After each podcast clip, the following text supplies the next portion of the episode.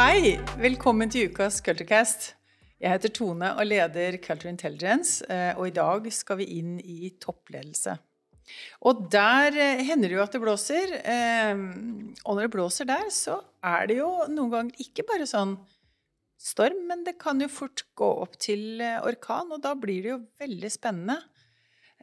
Så det vi lurer litt på, det er jo hvordan står man i det her, og hvordan kjennes verdiene ut når de blir rista litt på?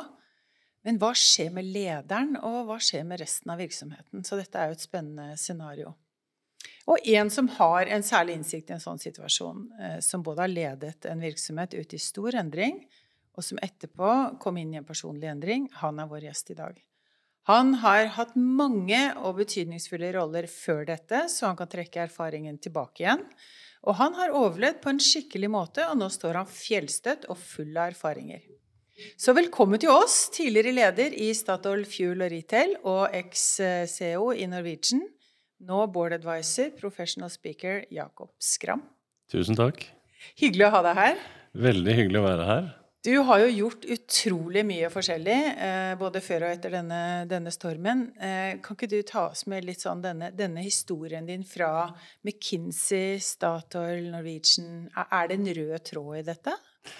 Eh, Jeg vil begynne med å si det sånn, jeg har egentlig aldri planlagt min karriere. Jeg har aldri liksom sagt at nå skal jeg det, og så skal jeg det, og så skal jeg det. Eh, Jeg har det litt som å kaste seg i elva og se litt hvor den fører deg. Hvor du flyter hen? Ja. Ja. Eh, Nå er det jo selvfølgelig en ganske snever elv, da, for det er jo innenfor business hele veien. Mm. Så jeg har ikke vært så wild. Men eh, det startet i McKinsey. Det var også en super tilfeldighet. Jeg gikk på Handelshøyskolen i København. Og visste ikke helt om jeg skulle det ene eller det andre. Og så så jeg, dette var jo før det digitale, så jeg så en brosjyre i kantina om uh, McKinsey. Og hva var det? Jeg visste ikke hva McKinsey var. Nei. Så gikk jeg på en presentasjon. Og så tenkte jeg fy flate, dette er spennende, for her kan du jobbe med mange ting, og du får jobbe med større problemstillinger. Um, og så søkte jeg, og jeg visste jo ikke hva jeg søkte heller, så det var jo en vanvittig prosess. Mm. Og mange intervjuer og caser og alt mulig. Men så fikk jeg brev om at jeg var kommet inn, og da, det var jo kjempespennende. Og var der da i fem år. Um, og jeg trodde ikke det fantes noe liv utenfor McKinsey. Men det gjorde det. Um, og når jeg skulle ha med meg min eh, danske kone hjem, så sa hun eh, jeg skal bli med til eh, Oslo, for hun var jo da fra København, eller fra Danmark, på én betingelse, at du slutter i McKinsey. Og jeg kan godt forstå det, fordi det var ikke så lett å kombinere familieliv. I hvert fall ikke den gangen. Nå er McKinsey blitt mye flinkere i dag til å gjøre det. Men det gjorde jeg. Men da begynte jeg i McDonald's, en annen Mac. En annen Mac? Ja. Og um, var heldig å få lære veldig mye om strategi og den type ting i McKinsey. McDonald's lærte meg fryktelig mye om operation, drift. Jeg var da marketing-siden, så jeg var på Hamburger Marketing University i Chicago og lærte alt om det. Eh, og var der i tre år, og så ble jeg spurt om å starte i Statoil eh, detaljhandel. Eh, først som direktør og utvikle konsepter. Fordi man hadde fått Jet, som var ubemannede stasjoner, og de tok mer og mer markedsandeler. Og så trodde vi at eh, ved å lage kjempebra butikker, så skulle folk slutte å gå på ubemannede stasjoner. Det var jo helt feil. Men jeg brukte en, noen år på å utvikle det. Og så begynte, fikk jeg egentlig den første people-jobben, kulturjobben, eh, PNL-jobben, å være sjef for Norge, eh, alle bensinstasjonene i Norge. Og var det i fem år. En fantastisk spennende reise som var eh, å snu alt på hodet og bygge ny kultur. og Veldig bra. Og så ble jeg ansvarlig for Europa i 2004. Og så ble vi skilt ut av Statoil og børsnotert. og Jeg var CEO der. Og så gikk det to år, og så ble vi kjøpt opp av canadere. Og så hadde vi et kjempeprosjekt som uh, var litt min baby, som var uh, merkeskiftet til Circle K. eh, som jo da ble globalt. Og så i 2018 eh, Jeg skulle være i Statoil Fulloritel, hadde jeg bestemt i tre år. Men den elva var lang, så jeg ble der i 22 år. Um, og gikk ut i 2018. Og gjorde da mer ting for meg sjøl og startups og investerte litt i det.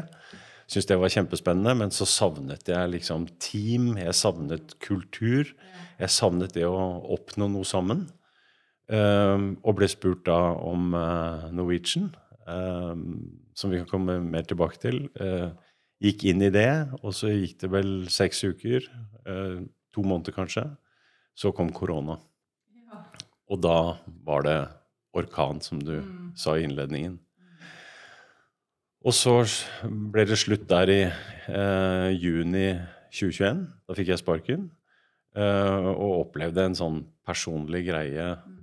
Eh, gjennom, gjennom eh, det. Um, og kom ut heldigvis på andre siden. Um, I dag føler jeg meg sterkere. Mm. Jeg gjorde ikke det når det sto på. Nei, Det skjønner jeg skikkelig godt når jeg har lest litt om det. Ja, så det var, det var uh, spesielt. Men uh, i dag føler jeg at jeg er faktisk en mer hel leder. Jeg føler jeg har vært i krigen og blitt såra og blitt båret tilbake og mm. lappa sammen og har fått en utrolig krigserfaring som uh, er fin å dele med andre. Men nå har jeg eh, satt fokus på heller styrearbeid, konsulent, eh, foredrag osv. Og, så og for første gang har jeg kanskje kontroll på min egen tid. og det føles utrolig deilig. Ja, klart det. I den fasen jeg er i nå. Ja, klart det. Og du har jo så mye å by på. Og jeg tenker sånn, de lederne som ikke har vært på en smell, Altså, De kan jo fort bli litt sånn på overflaten, og, og, så jeg tror veldig på det. Når du virkelig har liksom jobba deg gjennom noe, så har du den erfaringen også. Den får du jo ikke lest deg til på Handelshøyskolen eller eh, liksom gått på kurs på. Den må du tråkke deg gjennom. Så det er den jeg syns var så utrolig interessant når jeg fikk eh, snusen på det. Men la oss gå tilbake litt, for jeg var også i bensinstasjonbransjen da, du, da, dette, da du var der. Eh, da var jeg i ESO. Oh, ja. var på akkurat samme reise. Sånn Oi, nå kommer ubemannede stasjoner. Nå må vi ratte opp butikkene. Nå må vi liksom gjøre det der. Så, og det, min take på det er jo hvordan klarer du å få med deg folka, da, kulturen, på å jobbe mer effektivt, mer sånn, sånn veldig rasjonelt på hvor lang tid skal vi bruke på dette, hvor lang tid skal vi bruke på dette. For det er jo en, egentlig en sånn kulturutfordring fra å være trent til å gi veldig god service til å si sånn Nå må vi ikke bruke for mye tid. Mm. Så, så, det var første gang jeg tenkte på sånn Her er det folka det kommer an på, om de klarer ja. den type. Vet ikke om du var spesifikk på det, men du må jo ha fått det til, siden du fikk lov å gå opp i gradene og, og få alle de aller kuleste jobbene. Ja, altså, jeg tror Hvis jeg skulle sette liksom to streker under noe som helst etter 35 år i næringslivet, så vil jeg si eh, um, så vil jeg si at uh, det er folka det handler om. Mm. Um, du kan ha de beste planer, du kan ha de skarpeste analyser, men hvis ikke folk tror på det du uh, sier at vi, vi, skal gjøre og oppnå, uh, så har du ikke en sjanse, altså. og det er samme med kunder. Det, handler, det er to deler av det.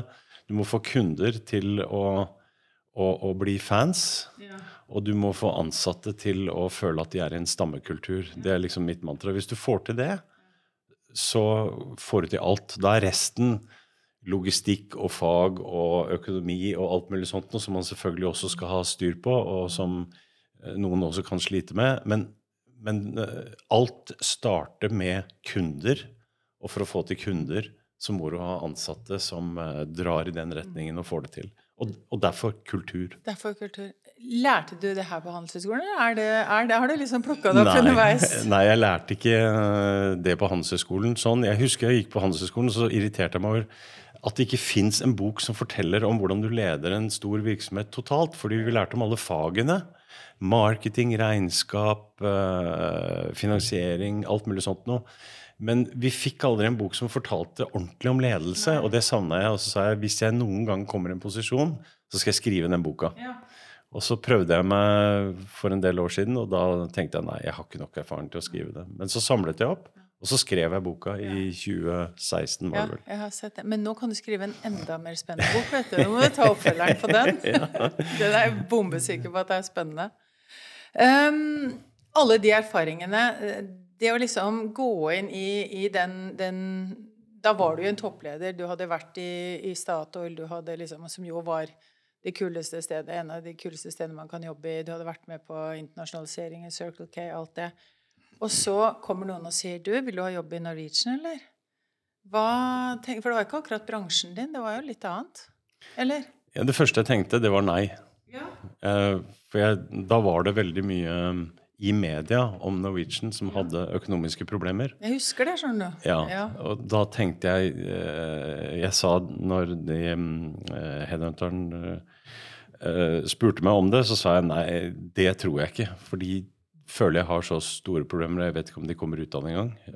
Så jeg følte det blir som å stikke hånda inn i et vepsebol. Men så sa de hør nå, nå har de fått en ny styreformann, eh, han eh, har masse visjoner osv. Ta, i hvert fall en prat med han. Og så gjorde jeg det. Og vi fant tonen veldig.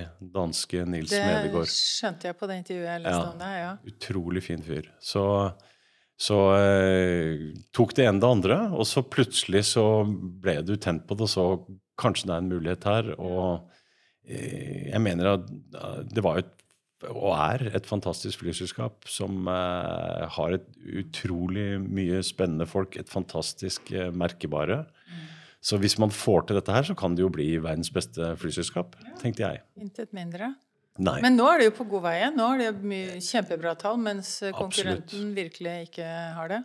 Ja, og det er fordi man tok den uh, skikkelig oppvasken uh, når uh, koronaen foregikk. foregikk. Eh, og, og eh, det tror jeg man har eh, Eller ikke bare tror, det vet jeg. Da fikk man liksom rydda opp sånn som man burde gjøre.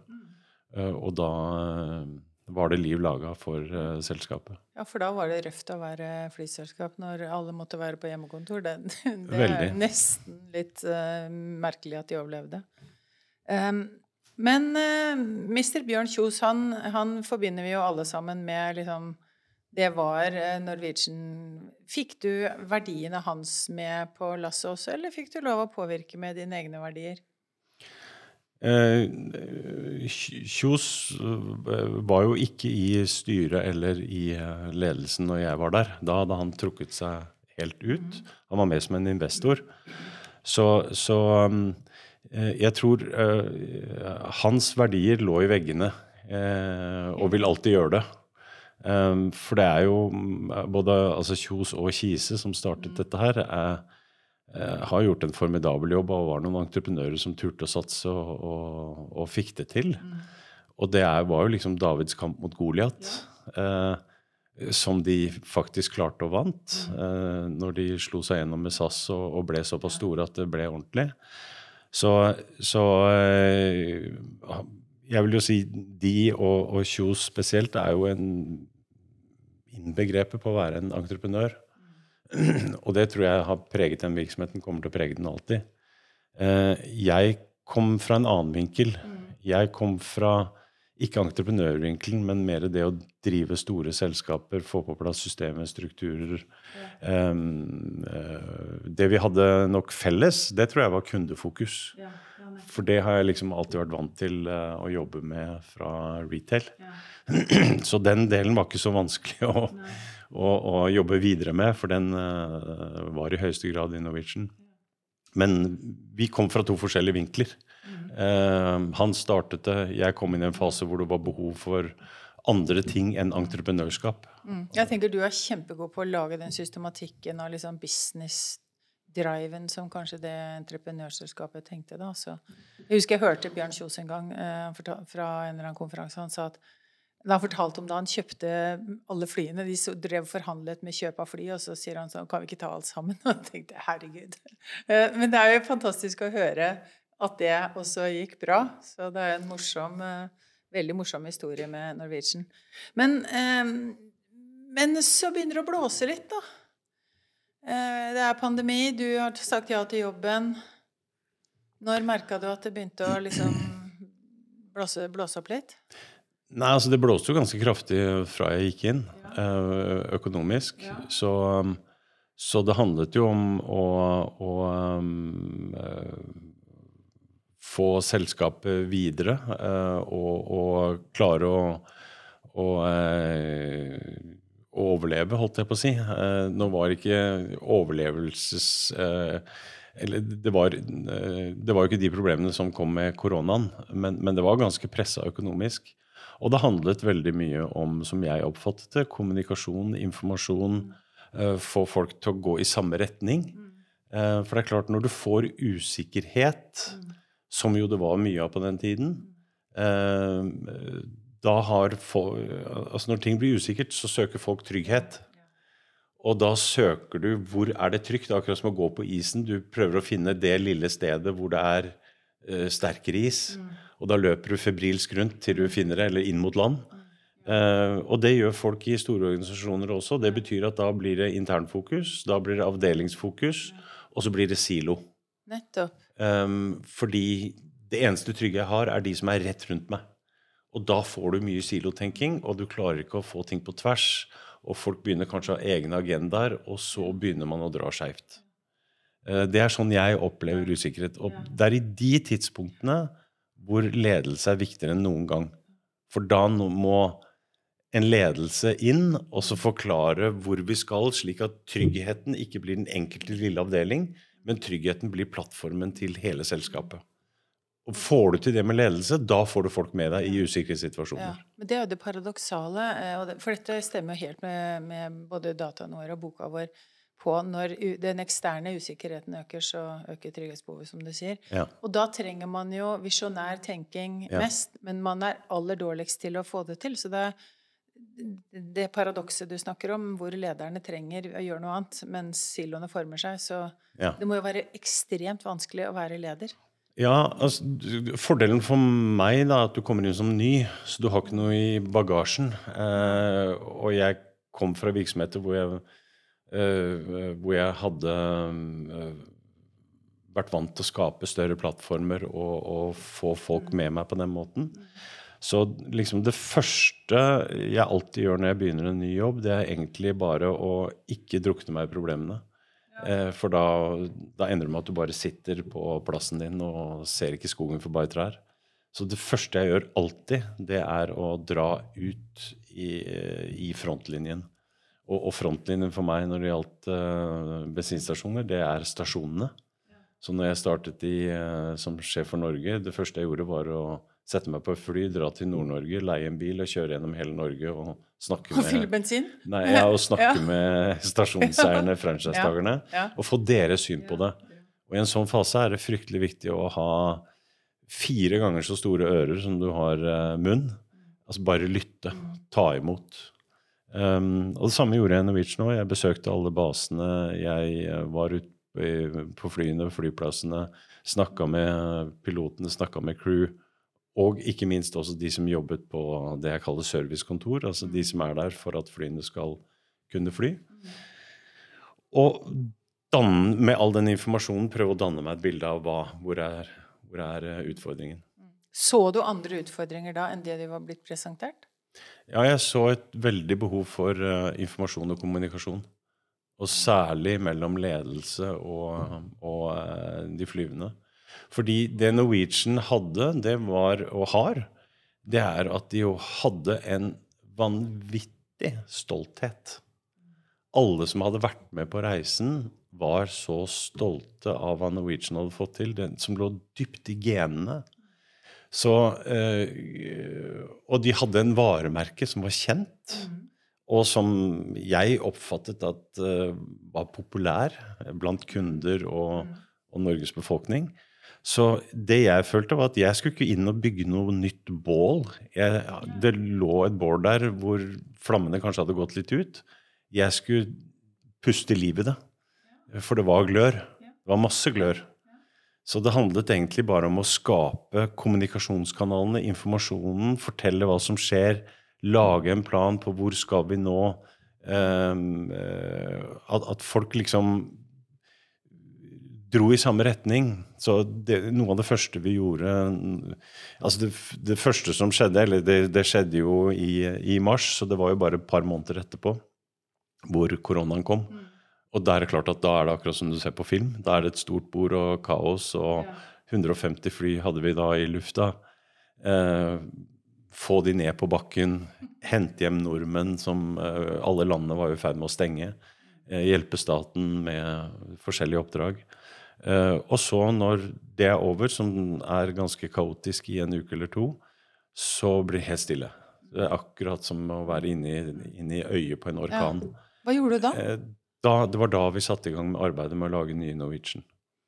Um, da satte vi Fordi vi sa vi mangler en ordentlig strategi. Mangler en ordentlig plan på hva er liksom steppene videre.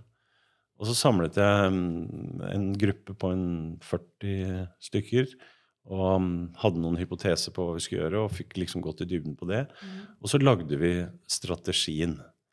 Som nå virker? Eh, Eller som har det ja, følger? definitivt. Altså, ja. Det er jo masse, masse, der som er eh, videreført. Ja. Men parallelt med det så var det jo da eh, selvfølgelig et enormt eh, arbeid som lå i å redde selskapet finansielt. Ja. Og her snakket vi om en stor restrukturering. Som var da ledet av, av CFO og eh, et team eh, og masse juridisk osv. Og, så og selvfølgelig som ble jobbet mye opp mot styret på. Vi hadde vel 52 styremøter på et år. Ja, det, det, husker jeg, for det, media, det var jo det media var aller mest interessert i. Sånn, hvordan ja. går det, hvordan går det, fra dag til dag. nesten. Ja, og, og det var jo forskjellige faser. og Først så fikk vi jo eh, lån fra staten. Det er noen som tror vi fikk penger fra staten, men alt er jo lån. Så det er viktig å huske. Um, uh, og så håpet vi å få det en gang nummer to. Jeg husker når jeg fikk det første lånet fra Hareide uh, så uh, sa jeg at hvis ikke vi har nye penger til jul igjen, så, så går vi veggen. Um, og da jobbet vi med planer om hvordan vi skulle restrukturere selskapet, og presenterte det. Og så i oktober så, så ringte næringsministeren meg og sa at beklager, vi, vi, kan ikke gi støtte en uh, gang nummer to. Um, og da hadde vi jo plan B, og plan B var da en chapter 11. Altså en uh, rekonstruksjon. Så da uh, startet den prosessen. Og det er en heftig prosess. Den er for det første vanskelig å få komme inn i og få godkjennelse for å gjøre det, fordi du skal ha en plan som alle kreditorene tror på. Mm. For det er jo masse gjeld mm. som må slettes. Ja. Det... Men så skal du også ha en plan for hvordan du skal skaffe nye penger. Og når du kommer inn i det, så er det nesten like vanskelig å komme ut av det og, og, og få det. Men det var jo en fantastisk jobb av mange mennesker, og spesielt de som uh, hadde et sånn profesjon med finans og rekonstruksjon og eksterne partnere osv. Så, videre. så der, hele det løpet var jo et ekstremt løp ved siden av det å mm. prøve å drive businessen, ja, få folk til å, si, gå videre. Du måtte jo prøve å gjøre begge deler. Det så blir jo en sånn Hvordan holder du liv i Eller det du sa, blåse, blåse få liv i det bålet igjen, da og, og, betrygge folkene samtidig som det her skjer? Hvordan er det i det hele tatt Hvordan gjør du det? Hvordan gjorde du det? Det er jo der det kommer inn med team. Ja. Uh, altså, ingenting av det jeg har fortalt, er uh, en CEO som gjør alene. Uh, hensikten, jobben til en CEO, er å sørge for at du har en plan, og sørge for at du har de riktige folka til å dytte de riktige tingene. og så egentlig være en radar, og så gå inn og hjelpe der det trengs å hjelpes. Og så selvfølgelig også være hele limet og informasjon og mm. kommunikasjon. Du er litt overalt. Mm. Men uh, som sagt så hadde vi jo et kjempeteam som drev med det finansielle og restruktureringen, både internt og eksternt. Uh, så det var liksom én uh, eh, svær greie. Og så hadde vi hele strategien, som var en annen greie. og så var det jo, hvis jeg skal ta, ta den tredje greia, det handler jo om informasjon, kommunikasjon. Det var jo et sjukt trøkk fra media. Ja. Um, det syns jeg egentlig Det var jeg vant til, uh, ikke i den dimensjonen, da, men jeg har aldri vært redd for media sånn sett. Så, og jeg tror det er veldig viktig at det ikke er bare masse forskjellige folk som kommuniserer. Så det var liksom informasjonsavdeling og meg selv som sto i det.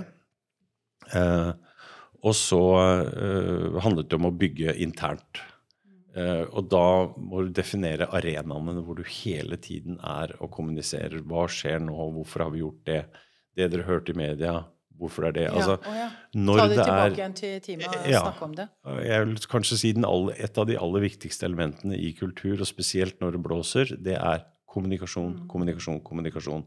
Du kan ikke kommunisere for lite. Nei. Og så ble jo dette komplisert ytterligere av korona, hvor vi ikke kunne møtes fysisk så ble vi jo mer digitale alle sammen med Teams-møter og alt mulig. Men eh, da lagde vi også produksjoner med, i studioer hvor vi inviterte folk inn og holdt avstand av det vi skulle, men fikk lagd eh, videosendinger som vi også sendte ut til medarbeiderne. Dette var jo nytt.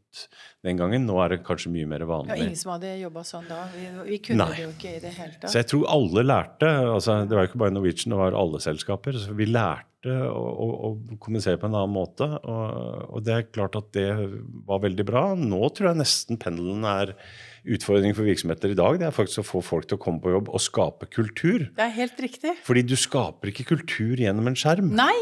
Eh, Du må, vi er altså, Så lenge vi ikke er AI-styrte og roboter eh, og har blod i kroppen, så er vi helt dønn avhengig av å, å se hverandre og, og snakke med hverandre. Eh, og så den fleksibiliteten vi fikk til via korona, det er et verktøy. Det er ikke et skift, som jeg ser det. Det er et verktøy på den måten at det går an å få til praktisk kommunikasjon som ikke alltid bare er å samles, og det er noen ting som egner seg bedre for det. Men skal du få til kultur i en virksomhet, så er du også avhengig av at folk er der. Ja, og, og møtes og liksom Ja. face to face. Det tror jeg er helt eh, sant og, og veldig underkommunisert. fordi nå tenker jo alle at nå kan vi drive businessen med to dager hjemme og tre dager og sånn. Og det har Noen steder kan det hende det funker, men som du sier, i endringer, og når ting skal bygges opp igjen i hvert fall, eller samles, så må det faktisk være der, altså. Ellers så, blir, ellers så går du glipp av disse relasjonelle tingene som, som skjer mellom folk. Og det er jo Men i den prosessen, Jakob eh, Du kjører altså tre megaprosesser. Du kjører drift, kjører strategi internt, og du nesten sånn kjemper for livet for å få penger, som du da til slutt ikke får. Hva i all verden Hvordan, hvordan har du det da i oktober da, det året? Når du får den eh, meldinga? Altså Igjen eh, så er det veldig viktig å si eh, det er ikke jeg som kjører dette alene. Nei, Dette er team, nei. dette er folk som jobber steinhardt på hver sine områder. Du har ansvaret. Jo, det er riktig, men det hjelper veldig hvis du da Jeg husker vi hver dag i koronaen så hadde vi så, så, så hadde vi Teams-møte om morgenen, og så hadde vi det på kvelden hvor vi liksom summerte opp hva har skjedd. Så du følte deg aldri aleine. Det er veldig viktig. Ja, det var en Eh, Og er det én ting jeg husker jeg lærte mye første gang jeg ble CEO eh, i forbindelse med børsnoteringen i Statoil og Retail, eh, så hadde jeg siste samtale, for da var liksom intervjuprosessen over med Helge Lund. Eh, og jeg husker han sa til meg da Jakob, husk nå, når du blir CEO, så blir du fryktelig aleine. Altså aleine i din verden. Men det er ufattelig viktig at du ikke tror at du skal ha svaret på alt. Det er ufattelig viktig at du husker at du har et team, at du diskuterer med dem, og sørg for at det blir diskusjon. Sørg for at det blir debatt. Eh, og det siste du skal gjøre, er å si din egen mening først. For hvis du som CEO sier din egen mening først, så er diskusjonen over. Og det er kanskje noe av det jeg har lært mest av. Det er få debatt. Vi er ikke glad i debatt i Norge. Vi tror vi er det, men vi liker ikke konflikter. Dra til Danmark, så kan du se hva ordentlig debatt Ja, er. Folk tør å diskutere, folk tør å ha forskjellige meninger. Og så er man, man er mye mer individuell i, i, Danmark. I Norge er det gøy å skille seg ut, men det er kun gøy å skille seg ut hvis alle andre gjør det. Hvorfor er det sånn, nå, tror nå setter jeg det litt Ja, på spissen, nei, for det er jo alle mulige typer. Men kultur er ganske Ja. viktig å forstå også. Um, Vi har en demokratisk kultur i Norge hvor alle skal bli hørt, og hvor alle skal med. Og liksom. Ja, sånn, og, og jeg tror det er fryktelig viktig å forstå hvem du jobber med. Altså Nå jobber jeg mye i Spania, har ikke jobbet med de før. Eh, spanjoler er fryktelig stolte mennesker. Eh, jeg trodde de var supertemperamentsfulle. De er ikke det. De sier vi er ikke temperamentsfulle, vi bare snakker høyt. Eh, det er deres måte å kommunisere på. Men hvis du skal ha noe igjennom med spanjoler eller sydeuropeere, så ikke begynn med sånn som vi gjør i Norge, å snakke om alle gapene og alt som ikke funker. Begynn med å skryte, begynn å snakke om alt som er bra. Når du får gjort det, da kan du etterpå si det er et par andre ting vi kan eh, fikse. Mm. Interessant. Og så uh, går litt tida Ta oss bare forbi den uh, liksom Da det virkelig Da det virkelig har toppa seg litt. Hva skjer så utover der?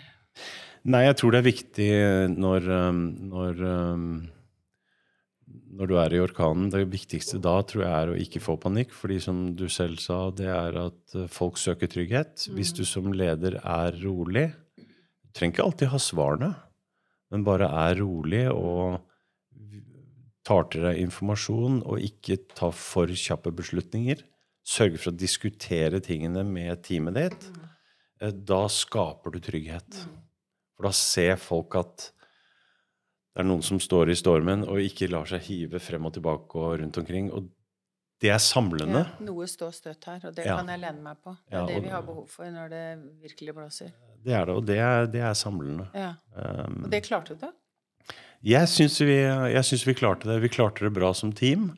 Um, og, og det er jo også det du bruker teammøtene til. altså Få fram usikkerheten. Hva er vi usikre på? Hvor, hvor føler vi oss ukomfortable? Diskutere det. Men tenk å gjøre det liksom individuelt rundt omkring i organisasjonen. Det skaper bare ufred. Men var du, var du mer urolig inni deg enn det du sa? Klarte du liksom å bufre det, eller var du helt Jeg- åpen? På en eller annen måte så har jeg egentlig av natur har jeg alltid vært rolig. Um, så, og også hvis det er type ulykker, ting og tang, så får jeg en sånn derre Nesten sånn ekstrem rolighet i meg når, når det blåser. Ja, så er du den som Ja, det har bare alltid ligget i meg. Så jeg hadde Jeg følte aldri jeg hadde panikk under Norwegian-perioden. Jeg hadde aldri panikk. Men det var et jævla trøkk. Det var et veldig arbeidspress. Og ufri, Men jeg skal også nevne at vi hadde et veldig bra styre. Så for meg var jo det også en sånn livbøye å ha. Jeg, igjen, jeg sto ikke alene. Jeg hadde et bra team, og jeg hadde et bra styre. Eh, også ja, så får du mye fokus fra pressen, men det lærer du å leve med. Det som var ubehagelig med pressen, det var når det ble personlig når jeg fikk sparken. Ja, jeg skulle til å si det må jo ha vært en annen annet. greie, egentlig. For da begynner jo alle å spekulere og vil ha alle detaljene og Ja, ja. Det er noe Vi- helt annet. Vil, du bare si sånn veldig kort hva, eh, hvordan det var, og så vi, skal ikke gå i detalj på det, men Nei, altså det var uh, superubehagelig. Jeg syns det som er viktig Det er klart at hvis du velger å gå inn i uh, CEO-rollen, eh, da må du også være forberedt på at en eller annen dag så kan du miste den rollen. Uh, den er til låns. Eh, og så må du aldri miste fokus på hvem er du. Eh, det, er ikke, det er ikke posisjonen, ikke sant. En CEO-rolle er en, en posisjon. Det er ikke nødvendigvis hvem du er. Og hvis du går for mye i ett med dem og tror at du er superspesiell, den dagen du ikke har den rollen meldt, så faller du steinhardt. Så det er, det er viktig bare å skille person og posisjon. Um, alt den viraken som skjer rundt deg, er mer pga. posisjon enn person mange ganger. Det er, det er viktig å huske på. Har du lært det i ettertid, eller kunne du det? da? Nei, det har jeg egentlig alltid sett, så jeg har vært veldig forsiktig og ikke å ta inni meg selv og tro at man er superfantastisk. Ja. Mye av det som skjer, er rett og slett bare fordi du er CEO. Det er et godt mindset å ha med seg i Eh, den rollen der. Ja, og så, så det er det ene. Det andre er um, selvfølgelig at når det skjer, så er det som å skru av en bryter. Så du må være forberedt på at du kan miste rollen. Uten at vi går inn på det, så, så, så uh, er det jo også måten ting skjer på, eh, som jeg ikke var fornøyd med i det hele tatt. Men det er ikke noe jeg ønsker å utdype noe særlig. Men poenget er- handler om eh, når da Pressen er jo nådeløs, og det ser vi jo gang på gang i alle mulige sammenhenger. Eh, når de da hekter seg fast og blir personlig, og du føler at liksom din side ikke blir eh, ivaretatt, og da da er det tøft. Og etter en 14 dager med intenst press, så, så sa det litt stopp for meg. Eh, og da trengte jeg god tid etterpå for å komme gjennom det. Um, og det gjorde jeg. Og det begynte bare veldig enkelt med å si jeg skal ha ett møte før lunsj og ett møte etter lunsj. Og bygge meg sjøl igjen og kalenderen. Og så um, gjorde det, og så tok det ene det andre, og så nå er jeg gjennom det.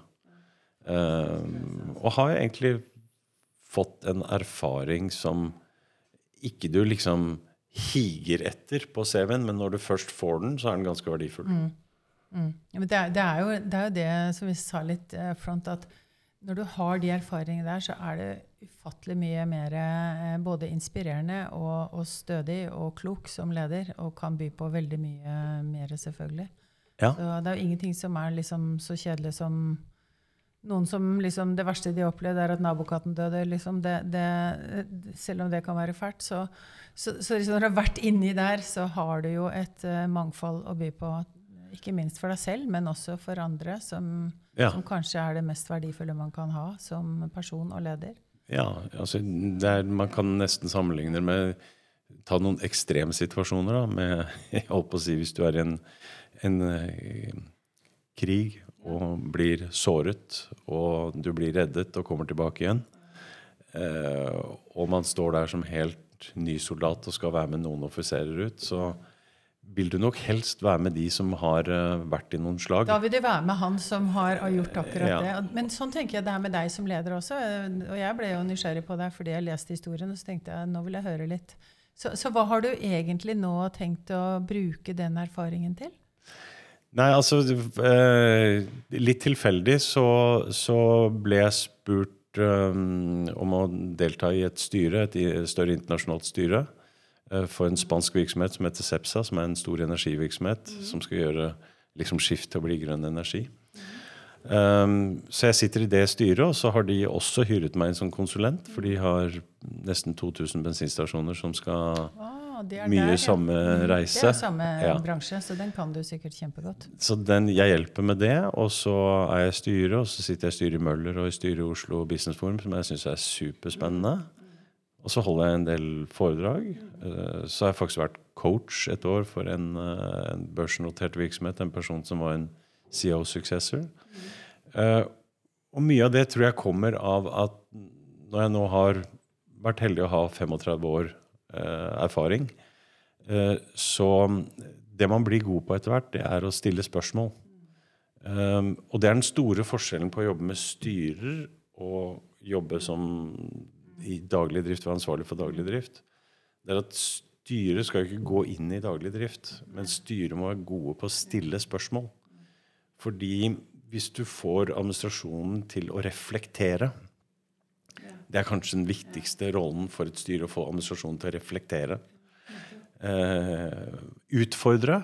Være litt djevelens advokat, slik at den briljante løsningen du kommer til styret, at du faktisk tør å reflektere litt over det. Finne fram hvor er usikkerhetene, og så ta de debattene. Debattere skikkelig og finne ut er det en stor risiko, ikke stor risiko, skal vi gjøre noen korrigeringer. Når man gjør den prosessen skikkelig, da blir det produktet som kommer ut i andre enden, veldig bra fantastisk erfaring. Da. Sånn, uh, hvis du skulle ta en, en, lang refleksjon med meg helt på slutten uh, Hva trenger ledere i verden nå? Vi skal bli så generelle. Hvis ikke tenker bransje og sånn. Hvor, hvor er det store fokuset? Du tenker inn på næringslivet? Ja, litt sånn Det foregår jo så mye endringer og mye eh, av negativ art på en måte som Altså er, vi lever i en tid hvor ting går fort. Ja. Hvor eh, det er ekstreme ting som skjer. Altså alt fra krig mm. i kanskje markedsområder som du har eller uh, er rundt, til uh, ekstreme endringer i etterspørsel og klima og alt mulig. Um, så jeg tror uh, det å kunne omstille seg fort er en viktig egenskap. Jeg tror det å ha mot kanskje er noe av det aller viktigste. Altså det å være ledere som har mot. Så en av de tingene jeg snakker mye om når jeg møter yngre ledere, mm. det er at du må tørre å ta risiko. Fordi jeg opplever kanskje at i den verden vi har nå, med spesielt sosiale medier, hvor vi kun ser smørsiden av tingene Alle er så vellykka, alle har en fasade. Jeg tror hvis du starter i næringslivet nå, så jager du et liv som ikke fins. Man tror at alle de vellykka folka du leser om på LinkedIn og andre sosiale plattformer, eh, tar privatliv òg, med influensere osv. At det er altså Det livet vil jeg ha. En solskinnshistorie, med andre ord. Ja. Men ja, det er sikkert et spennende liv, men det er også en god del ting som ikke kommer fram på de sosiale plattformene. Derfor så jager de et liv som ikke fins. Faren med det det er at når du da opplever motgang, som alle gjør, så tror du at du er den eneste. Fordi all, nå ryker karrieren min. Og hvis du har det på den måten, så tør du ikke å ta risiko. Da blir du en leder som hele tiden står stille. Og det er livsfarlig i den verden vi er i nå. Så du må tørre å ta risiko. Du må tørre å gjøre feil. Du må tørre å, å ligge nede så lenge du reiser deg på ni. Det er den viktigste egenskapen, etter min mening, for ledere i dag.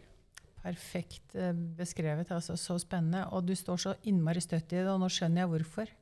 Eh, dette er jo en story som, eh, som du snakker med hjertet om. Så, så det, jeg tror det der, å fortelle det til ledere, helt uvurderlig. Eh, å fortelle det på den måten du gjør. Så takk skal du ha for at du deler det med meg og med alle lytterne våre. Og så ønsker jeg meg bare masse at veldig mange ledere får høre på deg og, og, ta det der til seg, for det tror jeg er helt essensielt. Tusen takk. Takk skal du ha, Jakob. Veldig hyggelig å være her. Like takk skal du ha. 2023 har vært krevende for store deler av markedet, og i mange virksomheter jobbes det nå med en kulturreise. For det, fra det man har, til det man trenger mer av. Men det mangler ofte presise data og innsikt om kultur for å få dette godt til. Nå ønsker vi velkommen til Norges første kulturkonferanse, Culture Journey, i april, der du får innsikt og praktisk erfaring fra mange dyktige ledere og innsikt i en solid verktøykasse. Bruk linken nedenfor til å finne ut enda mer.